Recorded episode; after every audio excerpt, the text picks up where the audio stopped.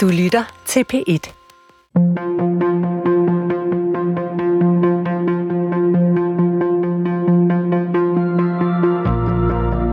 Hvad kan vi bruge en næsten 2.000 år gammel samling tekster til? Kan vi overhovedet forstå os selv, uden at læse Bibelen? Christian Let mener, at Bibelen er verdens vigtigste bog. Lauke Hendriksen læser den for første gang. Og sammen gennemgår de historierne, der stadig former vores bevidsthed og forsøger at finde ud af, hvad de betyder for os i dag. Velkommen til Bibelen Let Fortalt. Den fortabte søn. Jeg har sagt før, Øh, når jeg læser Bibelen, så leder jeg automatisk efter den her morale øh, eller mening med historien. Og når vi så kommer til Jesus lignelser, så har jeg sådan, jeg forventer en, en klar pointe, som den her lignelse skal symbolisere. Men jeg synes også, at de, jeg synes, de ikke altid er helt nemme. Fordi nogle gange, så skal jeg, skal altså lige ride hjernen en ekstra omgang, før jeg sådan, okay, det er det her, Jesus mener med den her historie. Hvad, altså, vi, vi kommer ind på, på lignelser i den her historie, Christian. Og super kort, Christian, hvad er en lignelse? En lignelse er jo en fortælling, som øhm, har en mening gemt i sig. Det minder om en fabel, men der er ikke nogen dyr og planter og, og, og, og, og sådan nogle ting med. Den handler om mennesker, og så er det, minder det også om en metafor. Men det er ikke bare en metafor, for tit er den ikke helt let oversættelig. Der er nogen, der siger, at en lignelse er en historie fra jorden med et svar i himlen. Det er sådan en meget kristen måde at se det på. Men i og for sig kommer ordet parabel øh, fra, fra græsk og betyder noget i retning af at kaste noget langs eller øh, hen ved siden af, eller at gå ved siden mm. af. Så det vil sige, det er ikke en symbolsk fortælling, det er heller ikke en metafor, det er heller ikke en fabel eller en moralsk fortælling bare. Det er noget, der står ved siden af for sig selv. Jesus han siger, at dem, der har ører, de kan høre, og, og dem, der til gengæld har hårde hjerter, de vil simpelthen ikke kunne forstå. Så det, det er sådan en ret forrygende, speciel ting, og det dykker vi nok ned i i dag.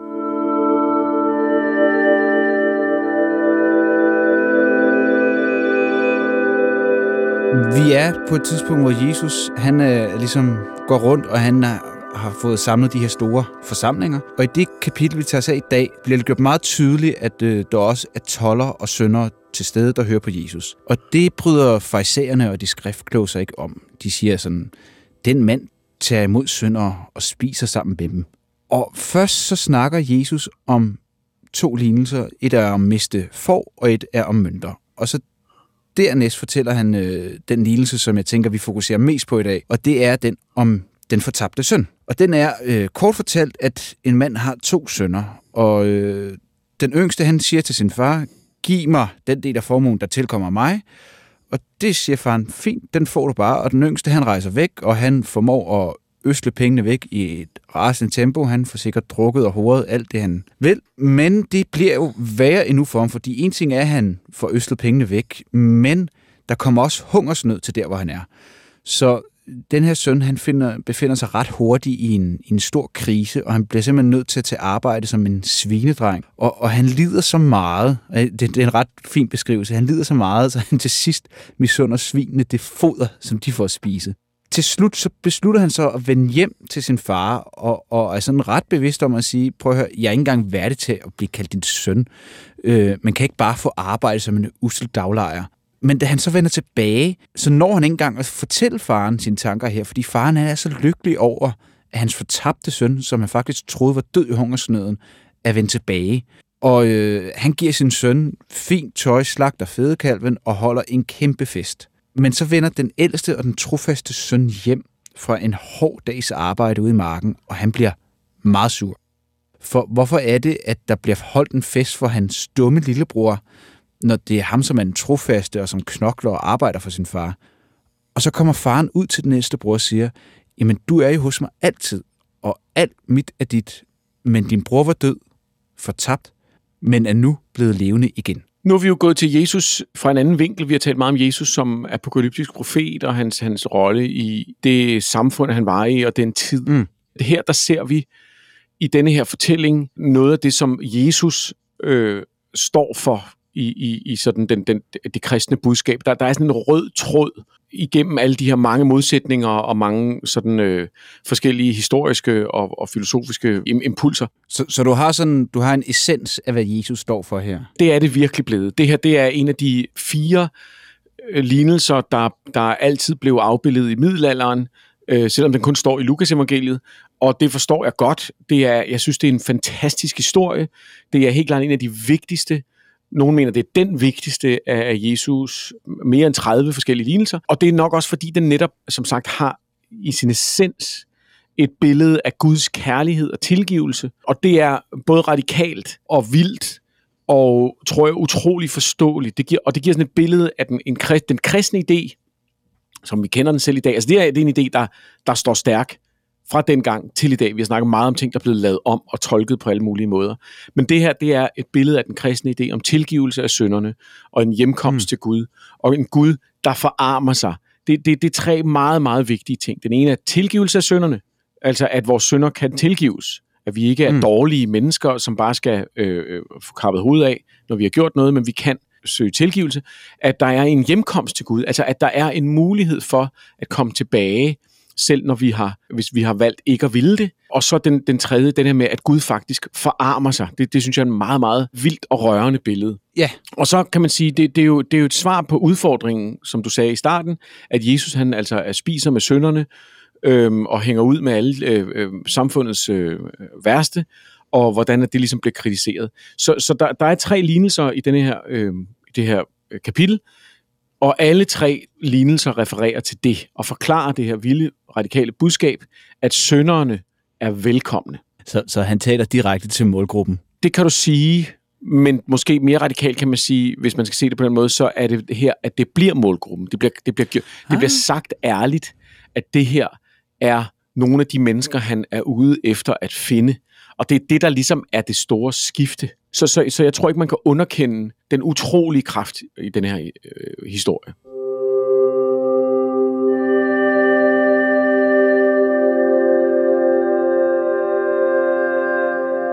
de her lignelser her, hvorfor er de så vigtige? Det er en genial måde at undervise på, og det er en genial måde at undervise på i en tid uden skrift. De her aramæiske fiskere og bønder, som ligesom var Jesu publikum, de kunne sgu ikke skrive, de kunne heller ikke læse. Nej.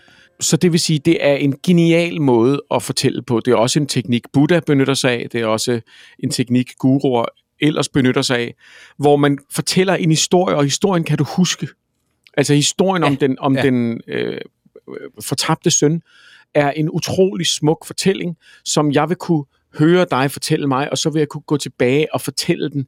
Og hvis den er fortalt godt nok, så er der nogle ting i den, som jeg ikke kan gå glip af. Og det er også det, vi kan se på de her lignelser, at, at der, hvor de går igen i de forskellige evangelier, der, der har de samme pointe. Og jeg tror faktisk, at en del af nøglen til dem er, at de ikke bare lige kan åbnes op. Hvis det bare var, øh, Mette havde otte æbler, Jens havde kun fem, men ved du hvad, Mette gav ham to. Er hun ikke god? Så vil man være sådan lidt, jo, det er hun vel. Altså du ved, der går der en eller anden idé, øh, noget med øh, en moralsk fortælling, men den forsvinder. Det her med, at de faktisk bliver ved med at, at leve som fortællinger, også med, hvad kan man sige, nærmest mystiske elementer, tror jeg er en, en meget stor del af grunden til det. Så man kan sige, at Jesu lignelser er, synes jeg, noget af det mest geniale ved kristendommen. Det er poetiske, ofte komplekse fortællinger, som så har nærmest sådan en mytisk eller magisk eller eventyragtig tone. Jesus siger, at som sagt, at dem, der har ører, de må høre. Det, det er ret vildt med. For det meste så forklarer han ikke, hvad han mener. Altså han kommer med lignelsen, og så er det sådan et mic drop. Øh, og så kan man gå med de der øh, lignelser, og så kan man gå rundt og bære rundt på dem, og, og så kan de rumstere inde i en. Ja, ja. Og, og jeg har sådan et billede, det er nærmest ligesom et, et stykke guld, eller en, en hellig juvel, du får. Altså ligesom et, et koan inden for buddhismen, som du så kan gå med. Altså hvis du møder Buddhaen på vejen, slå ham ihjel. Mm. Jeg er stadig ikke helt sikker på, at jeg forstår, hvad det betyder, men jeg glemmer den ikke. Forstår du, hvad jeg mener? Der, den går ligesom rundt ja. ind i en og værker. At den rumsterer. Den Ja. rumsterer, og så dukker den sikkert op på et tidspunkt i ens liv, og man tænker, gud, det er lige nu, det, det er det her, jeg står over for. Ikke? Men det er jo den form for kunst, jeg elsker mest. Fordi jeg ikke kan regne det ud, fordi det er en, der er et begreb, der hedder underliggørelse. Ikke? Altså, så, så, så forlænger det processen af, hvor lang tid man forholder sig til værket, fordi man bliver ved. Vi har som menneske en, en trang til at vil løse den her fortælling. Ja, fuldstændig. Og, og, og det, vi talte om det i forhold til de gamle testamentlige historier, Jakob og Esau og så videre, hvordan der netop opstår elementer, som man pludselig ikke bare går med fortællingen, som pludselig sådan stikker ud, og det er nogle af dem, der tit ender med at blive skrevet afhandlinger om, selvom at vi måske kan så forenkle dem til, at det havde en specifik grund, men, men de ender med at stå, som, som folk møder historier, så, så læser de dem eller hører dem, og så bliver de ramt af det, der er. Nu skriver jeg selv bøger, og, og, og noget af det vigtigste for mig, når jeg skriver bøger, uden nogen sammenligning med Jesu lignelse, skal jeg lige sige, men når jeg selv skriver bøger, så er noget af det vigtigste for mig, det er at forsøge at indfange nogle øjeblikke og nogle elementer, som jeg ikke selv har kontrol over. Fordi Hmm. det er det, der gør, at teksten lever. Og skabe noget er ikke at designe den bedste læseoplevelse. Det er at, at forsøge at indfange noget, der kan mere end det, jeg troede, det kunne. Så er der en mulighed for, at når læseren, eller seeren, eller lytteren møder det, så bliver de også ramt af det der, og så har de netop, som du siger, den oplevelse af, at der er et eller andet her, der er uforløst. Ikke? Men hvis vi kigger på de lignelser, der ligesom er i denne her fortælling. Øh, den første er jo den med foråret. Mm.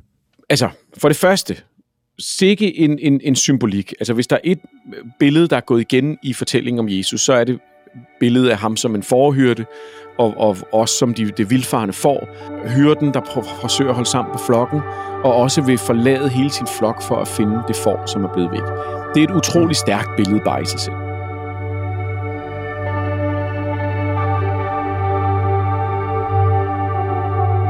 Lukas evangeliet, kapitel 15. Alle tollere og syndere holdt sig nær til Jesus for at høre ham, og farisæerne og de skriftkloge gav ondt af sig og sagde, Den mand tager imod syndere og spiser sammen med dem. Men han fortalte dem denne lignelse.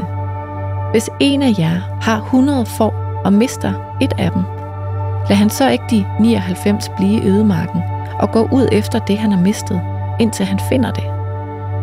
Og når han har fundet det, lægger han det glad på sine skuldre, og når han kommer hjem, kalder han sine venner og naboer sammen og siger til dem, Glæd jer med mig, for jeg har fundet det får, jeg havde mistet. Jeg siger jer, sådan bliver der større glæde i himlen over en synder, der omvender sig, end over 99 retfærdige, som ikke har brug for omvendelse.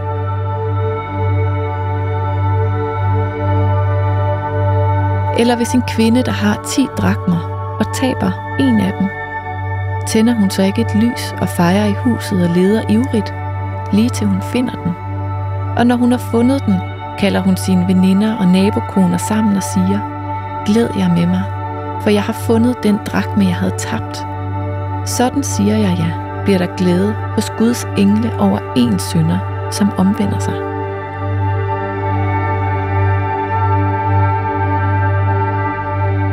Det bliver så gentaget på en anden måde med de her øh, 10 mønter. Læg mærke til, at vi går fra 100 får til 10 mønter.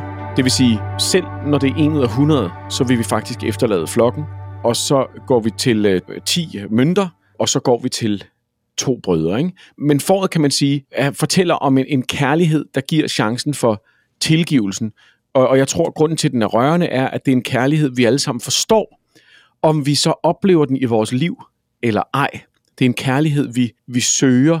Den, der gør, at selv når vi farer vild, forestil det der billede af hyrden, der bærer sit får tilbage. Ikke? Bliver båret i armene på en farfigur, eller en morfigur, eller en, en elsket, eller et eller andet i den retning. Ikke? Og Jesus, han siger her, at der er mere glæde i himlen over en sønder, der omvender sig, end over de 99 retfærdige. Men er det fordi de 99 retfærdige, og det er måske også lidt grovt at sige, men dem har han ligesom. De er omvendt, eller de er på hans side i forvejen. Det er derfor, jeg godt kan lide de her lignelser. Det er ikke en særlig fordrende fortælling. Altså, den, den, den siger ikke, sådan bør det være. Den konstaterer, at sådan er det. Forstår du, hvad jeg mener? Altså, egentlig burde det jo ikke være sådan. Det burde jo være Nej. Sådan, at man gik rundt og var glad for det, man havde, og roste hver eneste dag. Men han forklarer noget, som jeg tror, det er derfor, det rører os, som er sandt. Du ved, men hvis man forestiller sig, at man har et, et vist antal familiemedlemmer, dem, man, der har været væk fra en, eller som er blevet uvenner med, de, de, volder jo meget mere, de fylder meget mere i ens liv, end dem, der ikke. Dem, man ja, faktisk har ja. det godt med. Og det er ikke fordi, at målet ikke er, at vi alle sammen skal have det godt med hinanden. Det er målet. Men det er bare sådan, det er. Mm. Igen, husk, at konteksten her er, at de kristne allierer sig med dem, der ligger nederst i samfundet. Jesus han er blevet set med, med tollerne og sønderne og skøerne, du ved, de prostituerede osv. osv. og de fattigste. Så det vil sige, han fortæller en helt ny historie om en Gud, der som belønner dem, der handler ret. Ikke? Pludselig siger han, når, når man Gud han sidder faktisk nærmest og, og græder over dem, der ikke gør. Det er det, Gud gør. Det, det er et helt nyt billede af Gud som en tilgivende far. Det er jo det, der er billedet. Ikke? Vi, mm. får det igen så med, med mønten her, og så, og så øh, hvor, hvor, hvor kvinden mister en af sine 10 drakmer og leder huset igennem og bliver lykkelig, når hun finder den sidste drakme.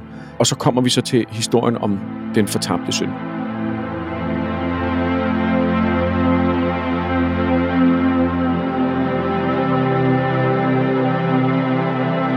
Han sagde også, en mand havde to sønner. Den yngste sagde til faderen, Far, giv mig den del af formuen, som tilkommer mig. Så delte han sin ejendom imellem dem.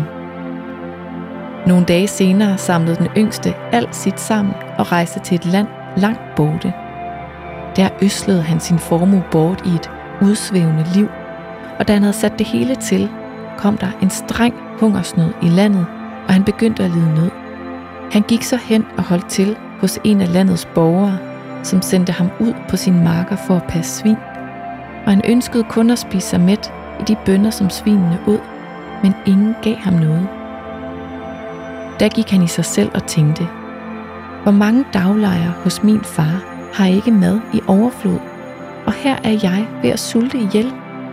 Jeg vil bryde op og gå til min far og sige til ham, Far, jeg har syndet mod himlen og mod dig.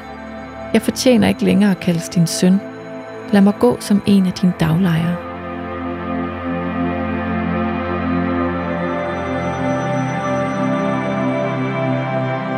Det er sjovt, der findes en jødisk fortælling fra omkring 800 år senere, om en far, øh, der sender bud efter sin søn, som, som også sådan har forvildet sig øh, væk. En meget rørende historie, hvor, hvor sønnen så siger, det kan jeg ikke. Når jeg har levet nok år til, det forstår jeg godt. Altså, jeg, jeg kan ikke komme tilbage. Og så siger faren, så gå så langt som du kan, så skal jeg nok møde dig på halvvej. Som er et andet billede af, hvis du rækker ud mod Gud, så vil Gud komme til dig. Så det, det, er sådan lidt, det minder lidt om den historie. Men det vil sige, altså, gør det så godt som du kan, og så, så det er godt nok. Ja, og det er jo, som vi har talt om før, det, det går måske mere til den her, tilbage til den her pragmatiske jødiske ja. tradition, hvor det ikke så meget handler om, at om dit indre liv er 100% rent hele tiden. Det handler om, at du gør det så godt, som du kan. Ikke? Og så er der også en anden parallel i en, en buddhistisk fortælling, som sjovt nok mm, mener man stammer fra cirka samme tid, måske 100 år efter. Altså det vil sige, det er meget svært at se, at den skulle være inspireret af den, men, men det er også en søn, der øh, far vild, og, og, og faren bliver et rig mand i mellemtiden, og så kommer sønnen tilbage, og kan ikke genkende sin far, og flygter, fordi at han er bange for, at de, han er i problemer, fordi der er så mange, han bliver modtaget af soldater og alt muligt. Og så ender faren med sådan at narre ham ved at ansætte ham først lavest i hierarkiet, og så forfremme ham, indtil han til sidst står ved siden af ham. Og så kan han fortælle om, det er mig, der er din far. Som også er en meget smuk historie, som handler om mm. tilgivelsens kærlighed. Det, her er billedet Buddha, at, at den måde, at, at Buddha venter på den, der, der søger ham. Det er jo også det, vi ser i den fortabte søn, at han jo selv ikke ser sig værdig. Man ser sig ikke ja. værdig, når man har været ude, men at det gør, det gør Gud. Han, han ser os altid værdig. Ikke? Men det er da smukt. Jeg synes, det er vanvittigt smukt, og jeg synes, den er fortalt som et billede på Guds kærlighed, men det bliver jo også et billede på, hvad tilgivelse overhovedet er eller kan være, og hvad idealet for vores relationer kan være. Ikke? At når nogen far vild, så, så tror jeg, det er meget, meget svært for de fleste af os at blive ved med kun at savne og ønske, at de kommer tilbage. Man bliver også pisse sur, og man synes også, de skal skride. Og... Forstår du, hvad jeg mener? Man, man får også, det får man også lyst til. Men det er et ideal. Men den følelse har man, men, men samtidig har man også, at man på det tidspunkt accepterer, at jeg bliver nødt til at forsone mig med det her. Fordi det går så meget på. Ja, præcis. Hvis man kigger forbi den, den sådan teologiske betydning om Guds tilgivelse af os synder, så, så tror jeg, at grunden til, at den står så stærkt, er, at billedet af faren, der jo altså modtager sin søn på den måde, Det rører simpelthen mm. som mennesker, mere end simpelthen bare som karakterer i en fortælling.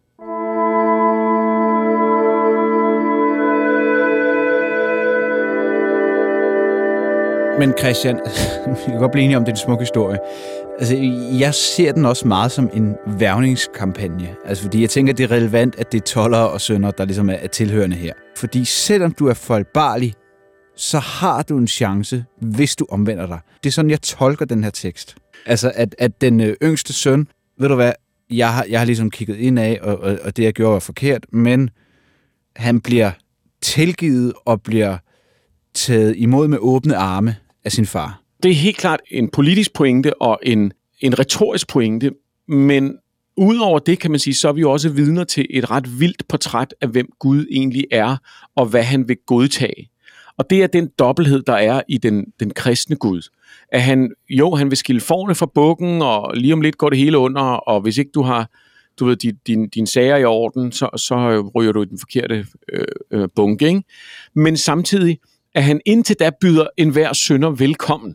Det bliver man nødt til at forstå, at, at har været ret vildt. Så jeg, jeg kan ikke lade være med sådan at træde tilbage og lidt se den her historie som sådan en utrolig dyb udfoldelse af, hvad tilgivelse egentlig er, og hvad den kærlige Gud, som vi tit hører om, når vi snakker om, om, om kristendom. Mm. Gud, han har svaret, stol på Gud, læg din affære i hans hænder. Men er det så som en stærk kontrast til, til den jødiske? Det er ikke normalt i, i, i, i jødisk praksis, at man regner med, at Gud er en, man taler med du ved, du har mange af de her kristne, også i dag, der taler om, at de har et personligt forhold til Jesus. Øh, jeg mødte Jesus der og der, og du kan blive født igen gennem Jesus. Det, det er som om, han nærmest han er min ven, og det der masse sange, der handler om og sådan noget. Det bliver også ret cringe, som mine børn vil sige nogle gange. Men, men hele den er sådan idé om, at du har et personligt forhold til Gud. Det kan du se, det, det giver jo mening i denne her fortælling. Men det er ikke rigtig noget, der er en del af jødedommen som sådan. Der er Gud i og for sig, den almægtige skaber, og så ikke så, så sindssygt engageret i, hvad der sker inde i dit hoved. Du har til gengæld et ansvar i dit liv for at leve ordentligt. Hvor i, i mm. kristendommen, som vi har talt om, den uhyggelige version er det, at Gud han ved, hvad du tænker, Lauke, lige nu. Det er faktisk ligegyldigt, hvad du gør. Du har gået ud og bruge resten ja. af dit liv på at lave velgørenhed. Men hvis du har beskidte tanker, hey, too bad. Og det ligger jo ligesom i den der meget mere nære relation. Du kan også se, at det her er en fuldstændig klar opløb til, at Paulus siger, at, at alle kan blive kristne. Det er jo netop fordi, at Gud han faktisk kan tilgive enhver. Så det er ikke en lukket klub, men du skal bare lige have de rigtige tanker. Så må du godt være med. Ved du hvad, du skal jo angre. Det er jo faktisk det, som er så vigtigt her. Det er jo, at hvis du angrer, hvis du oprigtigt ser, jeg har simpelthen gjort det forkert, og ikke endda mm. har de rigtige tanker, men faktisk siger, jeg ved ikke, hvad de rigtige tanker er. Jeg synes, det er det, der er så essentielt. Det er, at, at sønnen i, den, i lignelsen om den fortabte søn, han kommer ikke tilbage og siger, nu forstår jeg. Nu kan jeg blive din søn. Nej, det er du selvfølgelig ret i. Han kommer tilbage og siger, ja. lad mig blive ja. daglejer. Og, og hvad gør hans far? Hans far falder ham om halsen. Altså han siger, ja. velkommen tilbage. Så, så det vil sige, pointen er ikke, at han forstår sine sønner og får det rigtige program og opfører sig ordentligt. Pointen er faktisk, at han giver op. Og han siger, jeg har fejlet. Det er det eneste, han ser. Det eneste, han ser klart, det er, jeg har fejlet. Og Gud er stor og barmhjertig til at yes. acceptere det. Yes.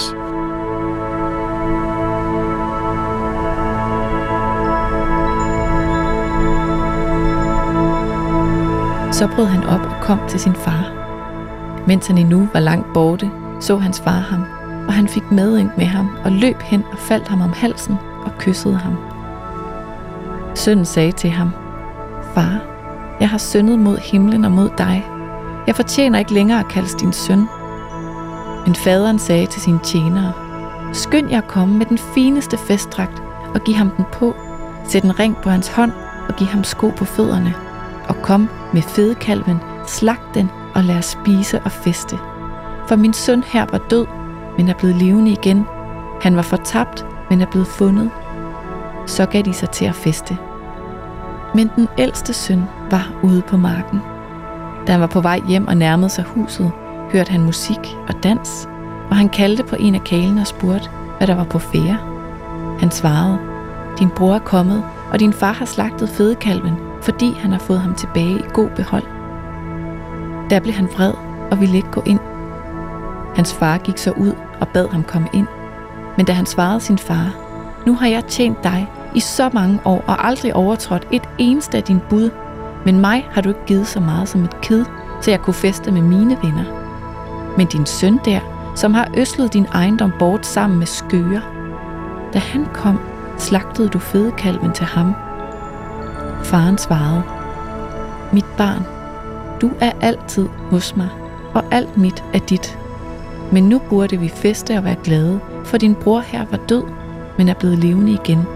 Han var fortabt, men er blevet fundet.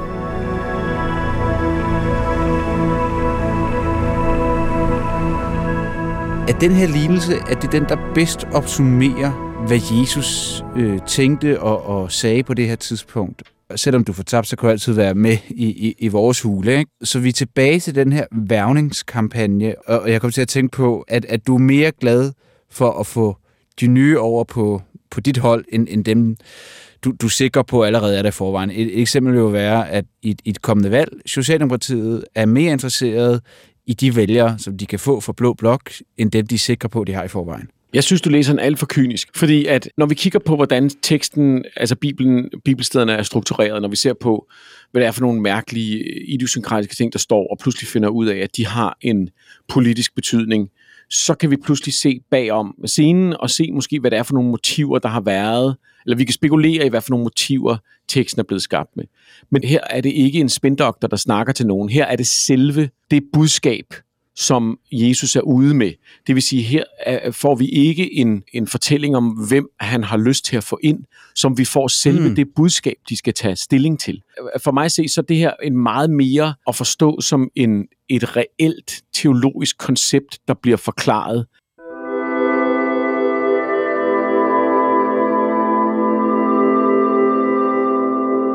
For det første tror jeg også, man skal huske, at Jesus efter min mening, nok ikke er ude på at starte nogen religion, og nok ikke er ude på at starte øh, og få så mange med som muligt. Det tror jeg faktisk ikke, han er.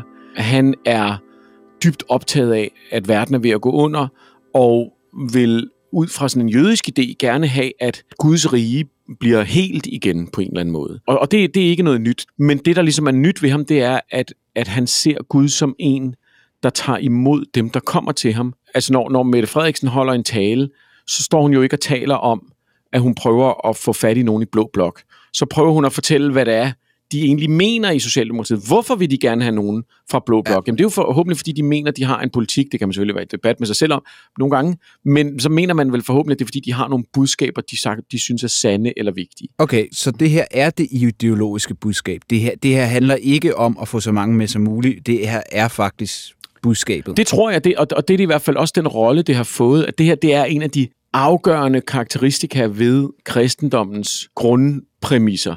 Vi er her inde ved noget af det, der i hvert fald er blevet en kerneværdi i kristendommen. Det er det simpelthen mm. en af de centrale idéer, det er, at man synder, og så kan man komme tilbage. Jesus siger i og for sig, som sagt, at alle, der fortryder og er klar til at ændre deres liv, de bliver faldet om halsen af Gud. De bliver ikke accepteret.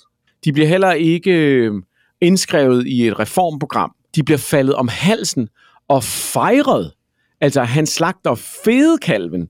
Han slagter den fedekalven af den kalv, du gemmer til den store fest. Han har højst synligt gemt den til den store, til storebrons bryllup. Det er nok den, han har gemt mm. den til.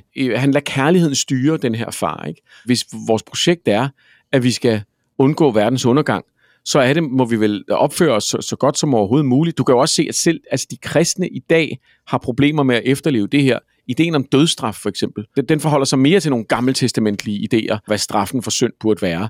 Og måske forholder den sig til, som sagt, nogle af de selvmodsigende ting, hvor Jesus han står og siger, hvis du har en dårlig tanke, så er du altså, skal du, du ved, nærmest på bålet. Ikke? Men det er derfor, at den her historie, den, den står ligesom som sådan et ret vildt moment, både i, i Bibelen og også i idéhistorien, som en introduktion af en måde at forstå magt, tilgivelse og anger på. Pludselig er der ikke bare plads til mennesket, men pludselig bliver den menneskelige fejlbarlighed sat i centrum.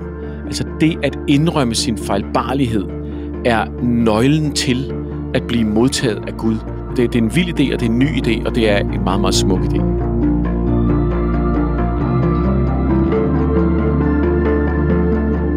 Det første mor i verdenshistorien var ifølge Bibelen, da Kain myrdede sin bror Abel. I næste uge dykker Bibelen let fortalt ned i verdens første krimi og prøver at finde ud af, hvem den skyldige egentlig er. Du kan altid lytte til tidligere episoder i DR's radioapp DR Lyd. Bibelen Let Fortalt er produceret og klippet af Christian Let og Lauke Hendriksen fra Munk Studios.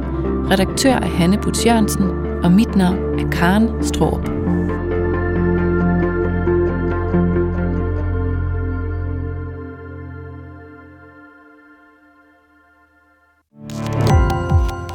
Gå på opdagelse i alle DR's podcast og radioprogrammer. I appen DR Lyd.